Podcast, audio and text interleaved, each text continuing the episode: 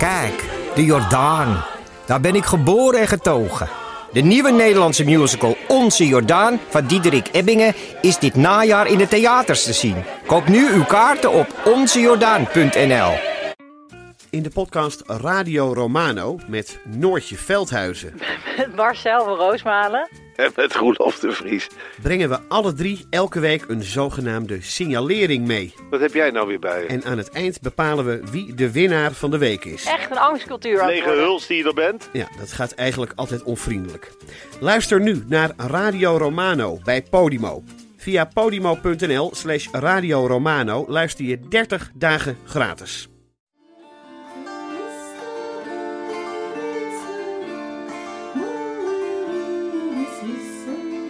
Hallo, dit is uw wekelijkse podcast van de Groene Amsterdammer. Ik ben Kees van der Bos.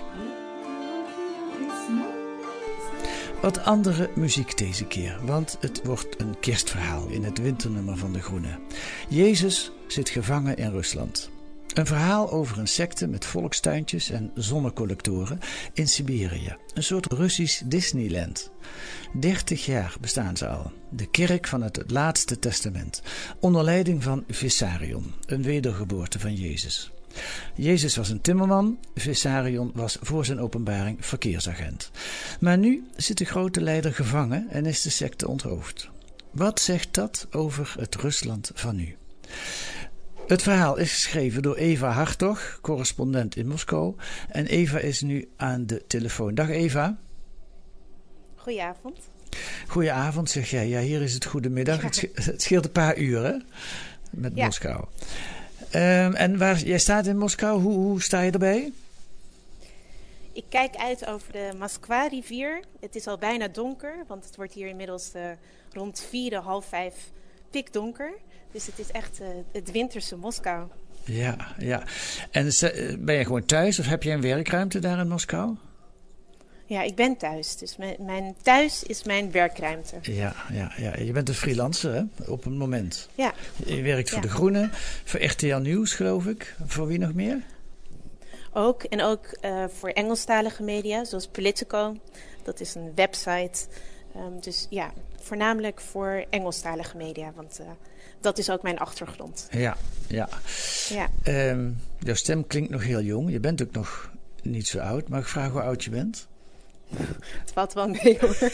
ik ben 32. Ja, voor, voor mij is dat heel jong. Ik ben meer dan twee keer zo oud. Eh, Over de telefoon klink je over het algemeen jonger, hè? Dat is wat ze zeggen. Is dat zo? Oké. Nee, volgens mij niet.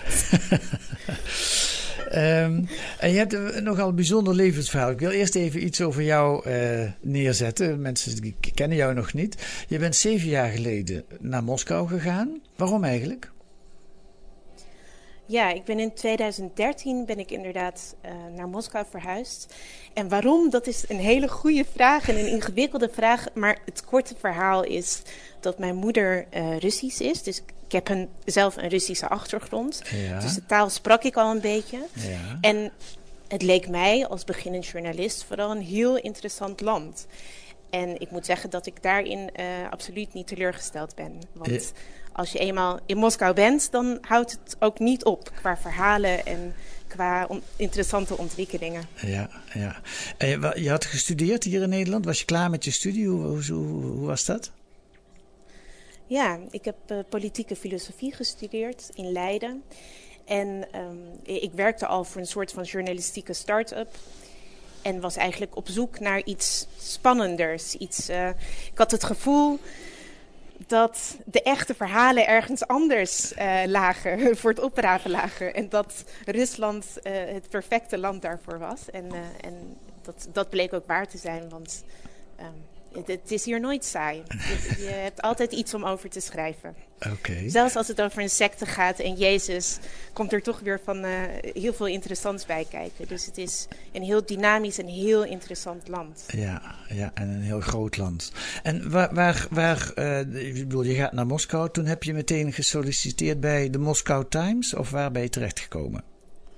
Ja, ik ben gelijk bij de Moscow Times terechtgekomen als eh, webredacteur. En daar ben ik ook zes jaar lang gebleven. Uiteindelijk ehm, heb ik het tot hoofdredacteur geschopt. Ja. En daar ben ik anderhalf jaar uh, geleden mee gestopt. Ja, dus eigenlijk uh, heb ik die uh, afgelopen jaren vooral op de, veel op de redactie gezeten van de Moscow Times. Ja. En nu als correspondent probeer ik er juist zoveel mogelijk op uit te gaan en het land in te gaan en zelf te kijken hoe ja, hoe het eraan toe gaat in verschillende streken en regio's van Rusland. Want dit is natuurlijk een enorm land. De, ja, dat, dat, lijkt me ook. Moscow Times, die, dat, die ken ik als de krant van Dirk Sauer, geloof ik. Die heeft hem opgericht. Ja. Uh, ja, en, en, en, die schrijft over Rusland, maar dan in principe gericht, het is Engelstalig, op uh, niet-Russische lezers? Of? Ja, inderdaad. Dus het is uh, een Engelstalige krant opgericht in de jaren negentig. De turbulente, maar hele, nou ja, ook een dynamische tijd. Uh, door inderdaad Dirk Sauer. Voor destijds de expat community in Ja. Moskou. Omdat er hier toen veel buitenlanders waren. Nou, inmiddels valt dat hartstikke mee. Dus, en met het, eigenlijk met het internet bedien je opeens een globaal en wereldwijd publiek. Dus iedereen kan de stukken van de Moscow Times lezen op de website. Ja. En eh, sindsdien gaat het minder om de expat community. Daar, eh, die, die groep is ook veel kleiner geworden dan in de jaren negentig. En meer om eigenlijk iedereen die Engels spreekt en leest eh, en geïnteresseerd is in Rusland. Hey, en hoe, hoe kan het dat ze jou meteen na een paar jaar als hoofdredacteur benoemd hebben? Tja, daar heb ik geen antwoord op. nee, ik denk, eh, als ik daar iets op moet zeggen, dan eh, denk ik dat dat voornamelijk komt omdat we toen, ehm, we, de- omdat de krant toen de overstap moest, ging maken naar digitaal. Dus echt, eh, de Moscow Times was altijd een papieren krant. En ehm, het wilde de overstap maken naar de website om de nadruk te leggen op juist het digitale aspect van de Moscow Times. En daar had ik al heel veel ervaring mee. Dus ik kende en het internet, zoals ze dat noemen, goed. Ja. En de krant heel goed, omdat ik er al lang had gewerkt. Dus ik denk dat eh, dat, dat een verklaring zou kunnen zijn. Maar daarvoor moet je niet bij mij zijn, ben ik bang. Nee, nee. Maar het lijkt me een hele zware baan ook. Is dat ook zo? Het was een hele zware baan, ja. Ja. En vooral ehm, met een kleine redactie. Dus we hebben de, de redactie wat eh, compacter moeten maken, om het zo maar te zeggen. Ja. Ehm, toen we die overstap maakten van print naar web, zoals heel vaak gebeurt. En dan eigenlijk probeer je het net zo goed te doen. eh, en als, als het voorgaande team, als het vorige team, met minder mensen. Ehm, dus het voelde echt weer als een soort van start-up. Terwijl Ja. de Moscow Times natuurlijk al heel lang bestaat en ook een reputatie heeft om hoog te houden. Dus dat is eh, heel uitdagend, dat is lastig. Maar eh, ook ontzettend boeiend en heel interessant. Ja. En ook spannend voor mij persoonlijk om in deze tijd eh, waarin de mediavrijheid in Rusland eigenlijk alleen maar ingeperkt wordt, om dan via het internet een soort van steentje te kunnen bijdragen om toch ehm, het te hebben over de dingen waar eh, Russische media bijvoorbeeld niet over schrijven of beperkt over kunnen schrijven. Dus dat is, het is weer een hele interessante periode in Rusland. Ja. Hey, en, en is het, eh, hebben jullie last, eh, toen je nog bij de Moscow Times werkte nog even, had je last van censuur of dat je dingen niet durfde of niet mocht schrijven? Hoe ging je daarmee om? Ja, die vraag krijg ik vaak en, ik, en dat snap ik ook heel goed. Want ehm, bij mediabedrijven in Rusland denk je gelijk, dat, daar hoort censuur bij. En Ja. dat, dat is over het algemeen ook zo.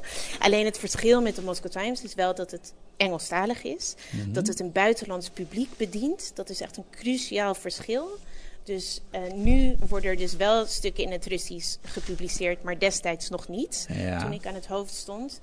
En ehm, het is ook een relatief eh, kleine ehm, publicatie of een kleine website. Het heeft een klein publiek. En dat betekent ook eigenlijk dat je ehm, het Kremlin, om het zomaar, zo, zomaar ehm, op die manier te formuleren, niet echt tot last bent. Omdat het Kremlin zich meer zorgen maakt om het Russisch-talige publiek. Dus eigenlijk heb ik nog steeds geen antwoord op je vraag gegeven. En het antwoord is nee, er was geen censuur eh, beschreven over alles waar we over konden schrijven. Ja. Maar we hadden niet ehm, het team wat je nodig hebt om echt diepgravende onderzoeksjournalistiek te doen naar Poetin en Poetins inner circle, de mensen om hen, hem heen. En dat zijn juist de hele gevoelige thema's. Ja. Dus ehm, ja, maar wel opiniestukken, bijvoorbeeld hele kritische opiniestukken, die stonden elke dag op de site. Ehm, en het is in Rusland geldt over het algemeen dat je niet weet waar de rode lijn ligt. Dus je doet je werk als, als onafhankelijk journalist tot je je werk niet meer kan doen. en ja. in de tussentijd heeft het weinig zin om, uh, om te proberen om je aan een soort van regels te houden, omdat je toch niet weet wat de regels precies zijn. Nee, nee dat komt dadelijk in het verhaal ook naar boven. Was het leuk werk? Absoluut. Hm. Zeker. En waarom ben je er weer mee gestopt? Nou, ten eerste werkte ik er al heel lang. Um, als, je, ook als je hoofdredacteur bent, dan, dan kan je niet veel verder gaan. En ik, wilde, ik had nog heel veel, heb nog heel veel te leren. En ik wilde zelf ook weer eens gaan schrijven en uh, gaan reizen en het land in om, uh, om dit soort verhalen te schrijven waar we het straks over gaan hebben. Ja. En daarbovenop ben ik ook nog bezig met een persoonlijk project. En daar had ik meer tijd voor nodig, want daar, daar kwam ik totaal niet aan toe. Dat persoonlijk project is een boek over je overgrootvader, heb ik begrepen. Ja, precies. Dus, ja. Uh, aan mijn moeders kant, een, ja. een uh, Rus, een communist die, um, die een uh, behoorlijk typisch levenspad volgde van eigenlijk die in een heel klein dorpje geboren werd en opklom tot, tot bepaalde hoogtes binnen de communistische partij en vervolgens in 1938 waarschijnlijk is gefusilleerd of geëxecuteerd of in ieder geval is gestorven. Mm-hmm. En ik probeer zijn levenspad te onderzoeken, um, daar informatie over te krijgen in de Russische archieven en ondertussen uh, iets te vertellen over het Rusland van vandaag en hoe makkelijk of moeilijk het is om historisch onderzoek te doen in het Rusland van vandaag. En ja. dat is eerder moeilijk dan makkelijk, zeg ik er gelijk bij. Oké, okay, en wanneer gaan we dat boek uh, uh, zien? Wat is je planning? Laten we zeggen in 2021. Oké. Okay, volgend okay, jaar. Volgend dat is mijn. Uh, precies. Het ja. doel waarnaar wij streven. Uh, precies. Oké. Okay. Nou, dan gaan we nu over. Je, je bent dus inderdaad het land ingegaan. Wat heet? Je moest vijf uur vliegen en dan nog met de bus, want je moest helemaal naar Siberië. Uh, naar Oost-Siberië. Um, om op bezoek te gaan bij een secte. Hè? Zo mag ik het wel noemen, toch? Dat mag, ja, inderdaad. Ja. Ik noem dat, ik gebruik dat woord niet heel veel in mijn stuk, omdat nee. bij secten uh, heb je gelijk allemaal enge ideeën. Of secte roept bij mij, heeft voor mij een hele negatieve connotatie. Mm-hmm. En in Rusland wordt deze groep vaak als een soort van religieuze um, groepering, een, een groep uh, als ja, bestempeld. Op die manier ja. uh, klinkt het wat neutraler. Maar ja. het is inderdaad, ja, het is een secte. Ja, ja. Wat trof je daar aan toen je uit uh, de vliegtuigen uit de bus stapte? Nou, ze noemen het het paradijs. en uh, dat is niet wat ik daar aantrof. Maar wat ik wel aantrof is um, een, eigenlijk een uniek verzorgd Russisch dorpje. Dus de meeste Russische dorpjes zijn een maken een beetje een armoedige indruk. Mm-hmm. Uh, de huizen zijn meestal wat verzakt. Er is veel alcoholisme. Mensen hebben daar eigenlijk niet, niks te zoeken. Dus als je het Russische platteland uh, op gaat, dan kom je meestal wat teleurgesteld terug. En deze dorpjes, waar we het straks over gaan hebben, dat, die zijn daar echt een uitzondering op. Want de huizen zijn heel secuur gebouwd, um, heel nieuw nog. nog um, alles is super verzorgd. Mensen glimlachen heel erg, heel veel. Mensen zijn heel vriendelijk, heel open.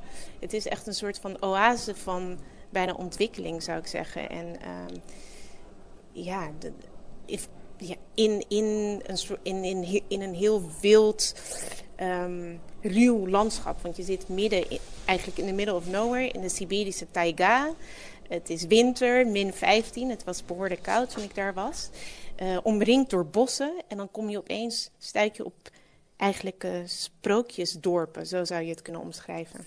Ja, collega, jouw collega Koen van Zwol van de NRC uh, beschreef het als een soort. In, in 18 jaar geleden was dat al in de NRC, is hij er geweest. Uh, omschreef het als een soort Disneyland in, in Siberië. Ja, bij Disneyland denk ik aan hele uh, bizarre attracties. en ja, maar, maar voor hem is dat misschien Disneyland. Ja, ik, ik dacht meer aan een sprookjesboek. Ja. Uh, wat de meeste huizen zijn van hout gemaakt. Um, mensen dragen traditionele kleding over het algemeen. Dus het heeft en iets heel traditioneels en iets heel ouds. Maar vergeleken met uh, andere Russische dorpjes uh, is het modern en, en, goed verzorgd. Ja, het klinkt eigenlijk ja. tamelijk idyllisch. Ja, ik denk dat voor de gemiddelde Rus is het tamelijk idyllisch. Um, voor, als, voor Europeanen is het, ja, uh, doet het een beetje Zwitsers aan bijna. Dus ik denk dat als je vanuit Europa uh, komt of aan, aan het Europese niveau gewend bent, dan valt dit nog wel mee. Maar voor Rusland is het een, uh, ja, behoorlijk uniek. Ja. ja. Ja, ja neem, bijvoorbeeld dat, dat filmpje met die muziek wat je opgenomen hebt. We horen die muziek nu ook weer op de achtergrond. Daar zit een, op mij maakte dat een beetje, je zegt Zwitsers, mij maakte bijna een Scandinavisch interieur. Er zit een hele vriendelijke, uh, lachende dame op een voor mij volkomen vreemd instrument te spelen. Uh, beschrijf eens, wat, waar, waar, waar, waar heb je die opname gemaakt? Hoe ziet dat eruit? Ja, dat was in het dorp Petropavlovka. En uh, daar wonen zo'n duizend aanhangers van Vissarion, van de Jezus van Siberië, zoals hij wordt genoemd. En zij is daar, um, ze, ze komt uit Riga, ze is er iets van 15 jaar geleden naartoe verhuisd. Uh, echt naar de middle of nowhere. Ze heeft zoals heel veel aanhangers van Vissarion alles achtergelaten. En nu geeft ze muziekles uh, aan de lokale dorpskinderen. Um, dus ik, ik ben ook bij een van die lessen geweest en dat is heel schattig. En, um, nou ja, dit, het is inderdaad echt uit een sprookjesboek. Dus Ja. er wordt, zij had ook ontzettend veel geduld, want een van de ideeën en van de kernwaarden van uh, de gemeenschap van Vissarion is dat je nooit boos bent, nooit negatieve gedachten mag hebben. Dat je altijd positief uh, in het leven moet staan en je heel positief tegenover anderen moet verhouden. Dus zo geven ze hun kinderen ook les. En uh, ja, ze, ze, ze wilde iets uh, voorspelen, dus dat, dat is dat videootje. Ja, ja. Als ik het zo hoor, mogen we blij zijn dat je weer teruggekomen bent. ja, iets, um, aan de ene kant verwacht je natuurlijk bij een secte en het, zelfs al het idee dat iemand zichzelf uitroept tot, uh, tot Jezus, je verwacht iets heel engs. En ik moet zeggen dat um, het me hartstikke meeviel. In de zin dat het ook wel eens fijn is om ergens naartoe te gaan in Rusland. En zo warm en zo open ontvangen te worden. Ja. Um, dat is dan um, de mooie kant aan dit verhaal. Is dat het inderdaad hele vriendelijke mensen zijn. En ik kan me ook heel goed voorstellen dat, dat Russen daar naartoe zijn gevlucht. Want het is echt het, voor heel veel mensen, de, de meeste mensen die ik heb gesproken, was het echt een, bijna een vluchtpoging. Het is een manier om in Rusland te zijn zonder dat je in Rusland bent. Het is echt een parallele wereld. Hm. Maar goed, ik heb er niet aan getwijfeld hoor. Ik wilde op een gegeven moment ook weer terug. Want um, de, wat je wel dan moet aanvaarden, zonder tegenspraak, is dat je in een heel hiërarchisch systeem woont, leeft. Dat Ja. wordt volledig geaccepteerd. Dat Ja. het woord van Visarion, van Jezus, dat dat ook wet is. Dus dat is de prijs die je daarvoor betaalt. Ja, ja, ja. Voor dat paradijs, voor die idylle. Ja, Eh, ja het deed mij een beetje denken aan eh, eh, hier in de jaren zeventig de Bhagwan-beweging, waar ook toch mensen die ik kende en die best dicht bij mij stonden, ineens naar India, naar de ashram vertrokken, om een soort idyllische samenleving terecht te komen. Kan ik het daarmee vergelijken of weet je, zegt dat jou niks?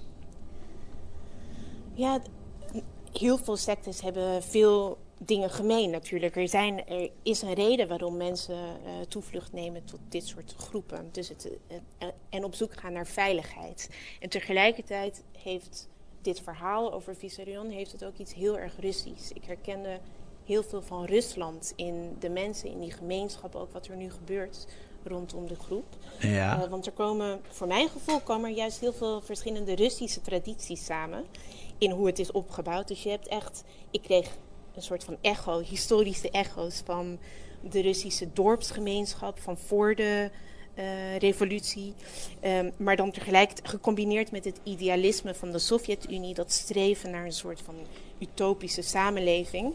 Uh, in het midden van een moeras, dus eigenlijk iets uit de grond stampen, dat heeft iets heel Sovjets. Maar ook de hang naar een dominante, traditionele leider.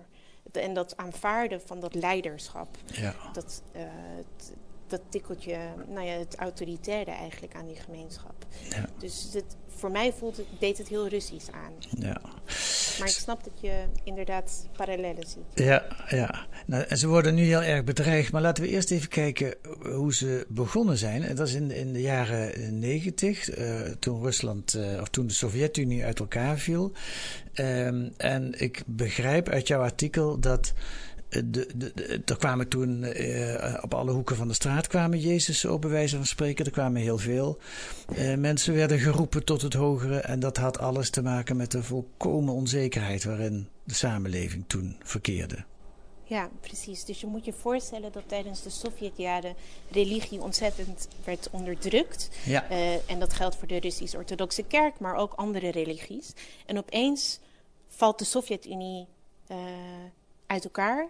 En maakt Rusland die transitie naar de markteconomie. Dus het mag weer, religie mag weer. En tegelijkertijd heb je ook een soort van markt van religies. Dus al die kleine, kleine en grote religies, nieuwe en oude stromingen, concurreren met elkaar op de markt van de con, uh, confessies. Zo kan je het eigenlijk zien. Ja. En uh, de keuze is aan ieder vrij om iets te kiezen. En eigenlijk iedereen met wie ik tijdens die, uh, die dagen bij Vissarion in Siberië heb gesproken, iedereen beschreef een soort van lange zoektocht naar een spirituele zoektocht. Uh, langs allemaal verschillende religies, uh, allerlei verschillende spirituele bewegingen. En, maar ze beschreven ook hoe ze op een gegeven moment, na die lange zoektocht, opeens een moment, opeens Vissarion ergens zagen of uh, van hem hoorden spreken en een soort van magisch moment beleefde waarop alles opeens um, klopte, in elkaar viel als een soort van puzzelstukje wat opeens op, het juiste plek, op de juiste plek viel. Ja. En, um, en hem, eigenlijk die mensen die uh, adoreerden hem. En hem dus destijds ook eind jaren negentig helemaal zijn gevolgd naar de taiga, naar Siberië. Ja. En daar ook alles voor hebben achtergelaten. Dus mensen verkochten hun woningen, lieten hun man of vrouw achter als die niet mee wilden, hun kinderen. En echt met een soort van ja, totale adoratie uh, zijn ze hem gevolgd uh, richting Siberië om dus inderdaad die religieuze nederzettingen op te bouwen. Ja, ja wat een klein wonder mag heten, hè? Hoe, die dat, hoe ze dat uit het moeras uh, gestampt hebben. Hoe, hoeveel mensen zitten er momenteel? Er zitten ongeveer 5000 um, in de dorpen om de berg heen, waar Jezus, Jezus ik noem maar even zo, Vissarion, tot voor kort woonde. En in zijn in Zonnestad, dus dat is een dorpje wat zich uh, onderaan de berg, daar wonen nog 300 Vissarion-aanhangers en dat is echt de harde kern.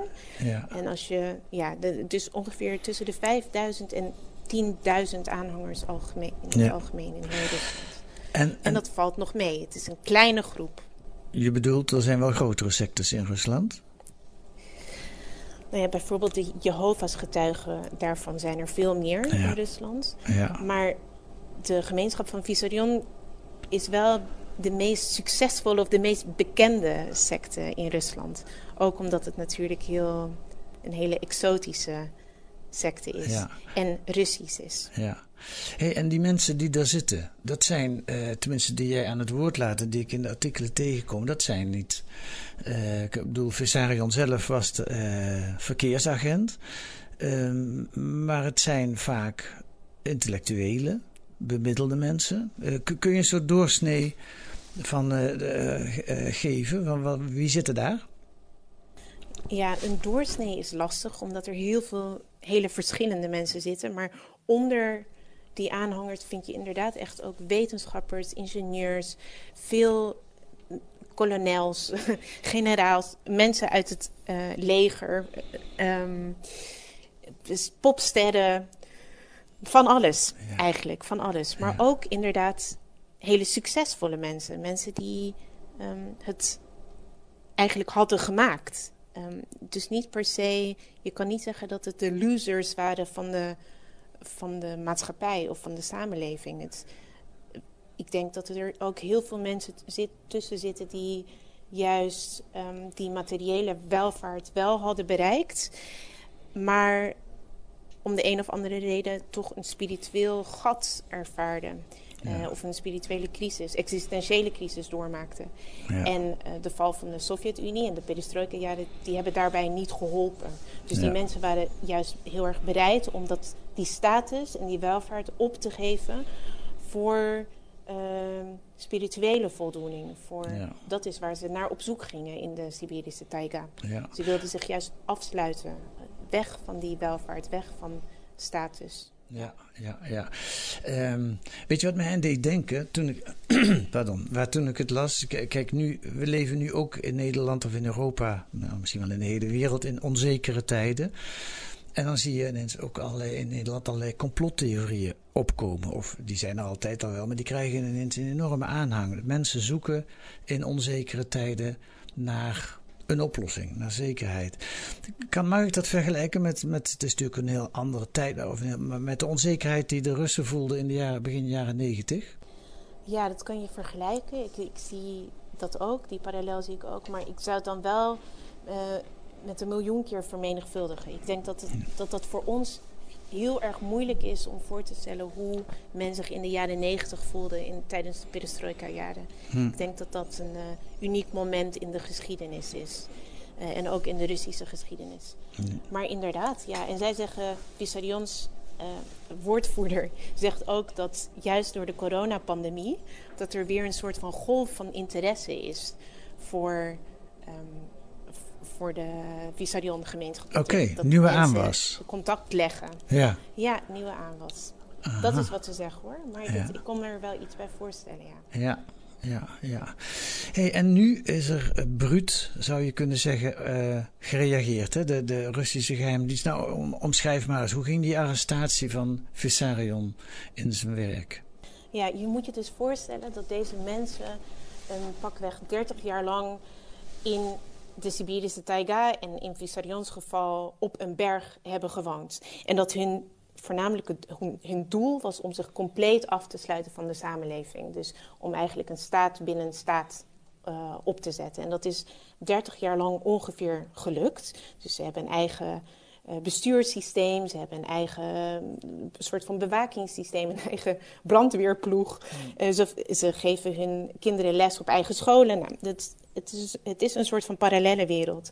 En opeens, eind september, uh, kwamen daar iets van vijf um, de gepantserde helikopters van de FSB aanzetten, die op die berg landen en um, Vissarion, dus Jezus en twee van zijn apostelen, twee, uh, twee van zijn naaste vrienden, um, meenamen. En de rest van de dag is Zonnestad, dus dat dorpje onderaan die berg, doorzocht door uh, gemaskerde agenten met kalasjnikovs in de hand. Dus het was echt een raid, zoals je dat wel vaker ziet in Rusland bij grote zaken van de Russische veiligheidsdiensten. Maar ja, een operatie van die schaal zie je niet zo vaak in de Siberische taiga ergens op duizenden kilometers van de grote steden. Hm. Dus dat, dat contrast, en dat hoorde ik ook heel veel van mensen daar, tussen de hele serene natuur en die omgeving. En mensen die daar leven alsof het uh, nou ja, een eeuw geleden is. Die, die eigenlijk niets te maken hebben met de Russische samenleving. En dat hele Russische, de Russische autoriteiten die eigenlijk op de deur komen kloppen of bonken in dit geval. En uh, die je huis komen doorzoeken. Dat contrast was voor hun echt, uh, voor de mensen daar echt enorm chockerend. Ja. En een soort van trauma. Dat, ja. Ja, en dan mogen ze ook nog niet negatief reageren van, uh, van, van, van de leider. Ja, dat is het lastige. Dus uh, Jezus zit dus nu in de gevangenis in afwachting van een rechtszaak. Hun Jezus. En ehm, het dilemma waar die mensen voor staan is dat ze te kampen krijgen. Dat ze, worden geconfronteerd met de grootste crisis uit hun leven. Dat is hoe ze het omschrijven. Maar inderdaad, de leer van Vissarion is dat je niet eens een negatieve gedachte mag hebben. Laat staan die gedachte uitspreken. En ook dat je ten alle tijde de Russische wet moet volgen. Dus ehm, ja, ze weten eigenlijk niet zo goed wat ze moeten doen. En dan zie je ook dat ze met allemaal eh, verschillende verklaringen komen. En dat, dat er toch een soort van logica achter proberen te vinden.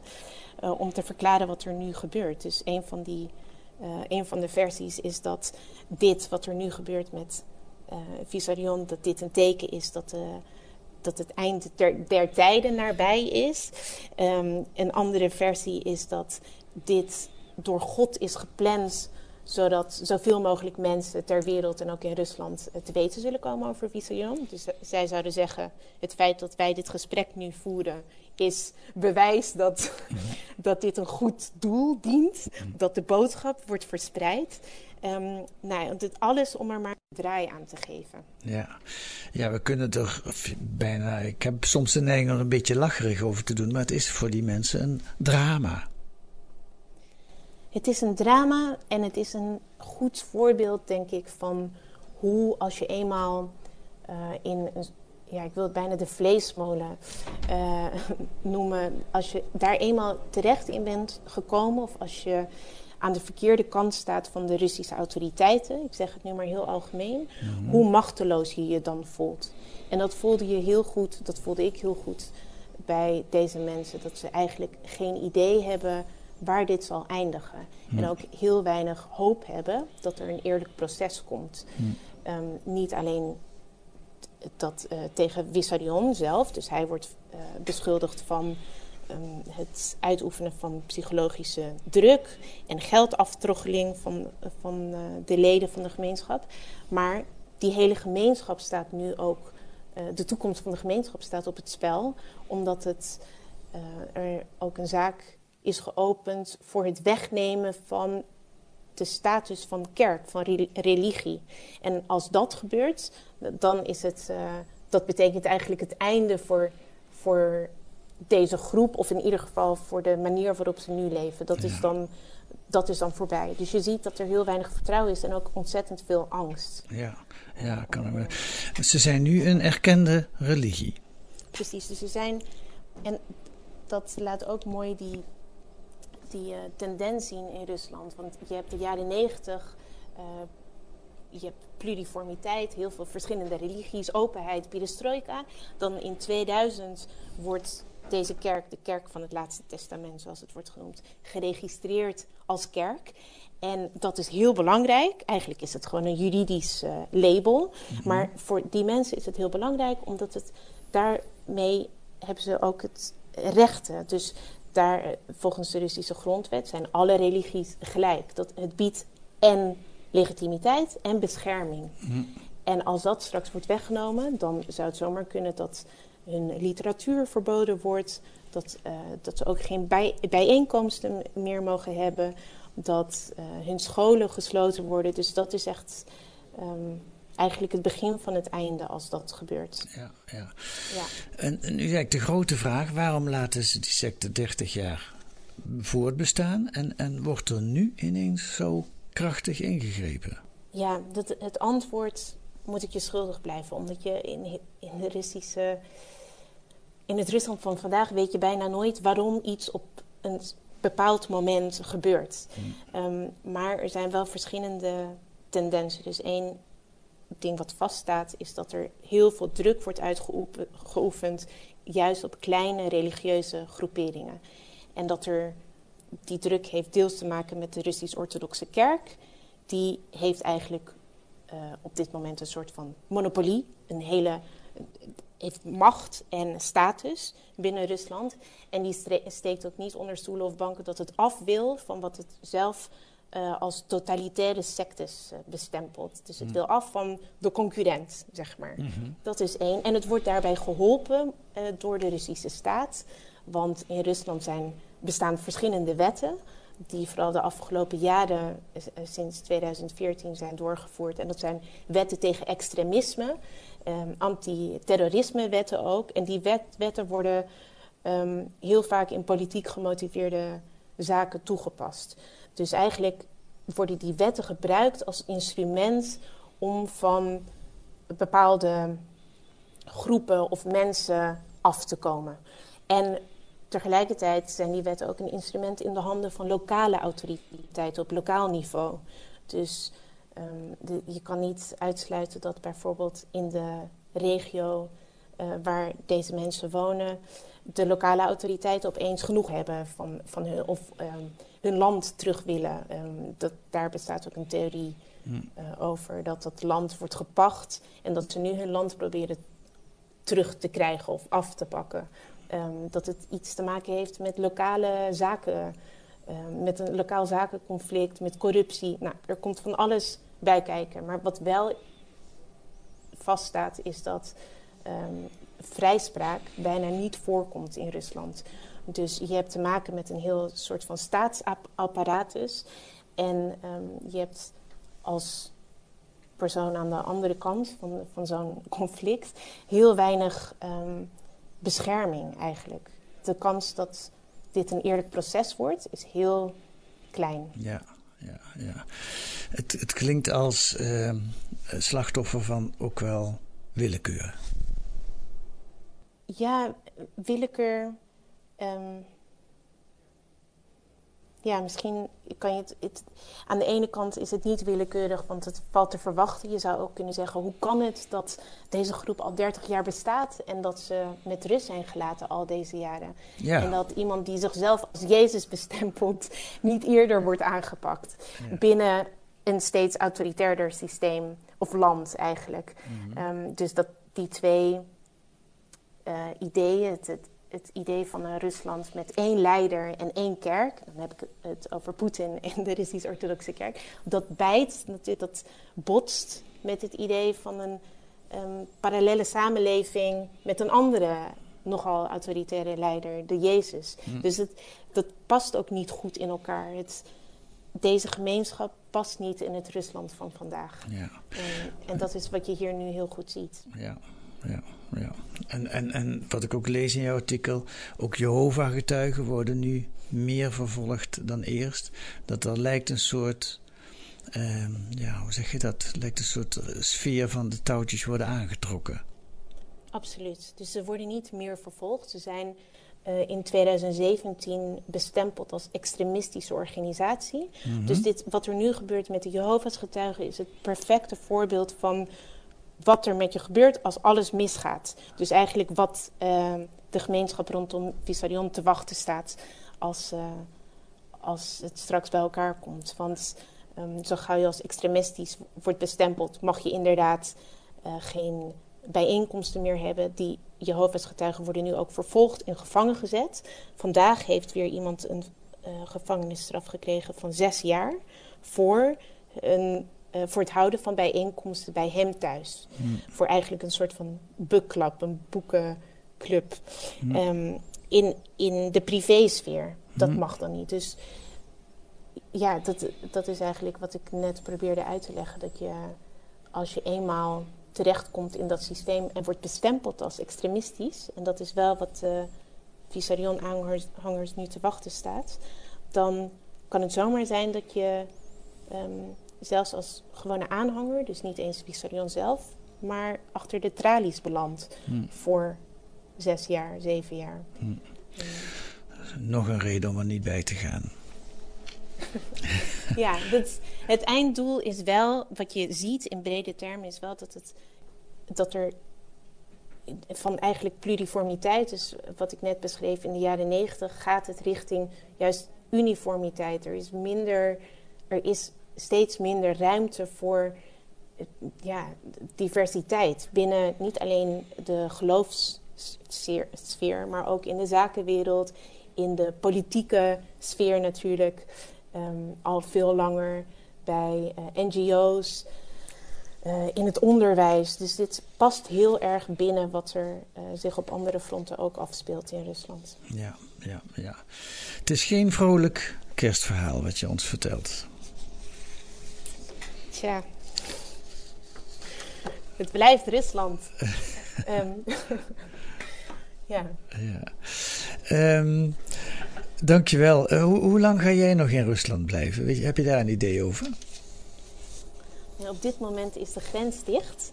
Dus al zou ik willen, uh, zou ik, ik, ik, zou Rusland trouwens wel kunnen verlaten, maar dan kom ik er niet meer in. Mm -hmm. En uh, dit is natuurlijk wel waar ik woon en waar ik werk. Mm -hmm. Dus um, ja, ik denk dat ik hier nog wel de komende tijd blijf. Al is het om te kijken hoe, het, hoe dit verhaal van Vissarion afloopt. Ja, ja. Um, ja. Nou, en dat gaan wij dan weer lezen in De Groene. Uh, dankjewel, Eva Hartog, voor dit gesprek.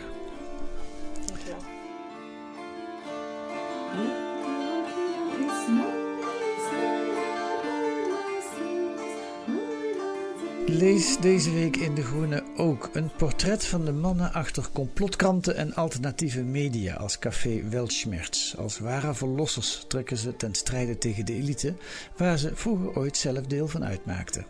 De makers van dat artikel zitten volgende week in de podcast.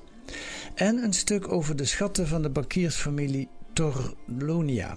Na eeuwen van duisternis staan deze klassieke marmeren beelden begin 2021 dan toch tentoongesteld. Dat kunt u lezen met een abonnement of een proefabonnement. Ga dan naar groene.nl. Daar kunt u lezen hoe u 10 weken de groene kunt krijgen voor 15 euro. Wilt u reageren op deze podcast? Dat kan op e-mailadres podcast.groene.nl. U kunt ook sterren geven in uw podcast-app of een korte recensie schrijven. Dat zien wij graag. Volgende week zijn we er weer met de mannen achter Café Weltschmerz en de, en de andere krant en de Gezond verstandkrant. En deze week werd de podcast gemaakt door Giselle Mijnlief en Kees van der Bos. En de muziek was van Vissarion, nou niet van Vissarion zelf, maar uit, van een lid van de secte van Vissarion.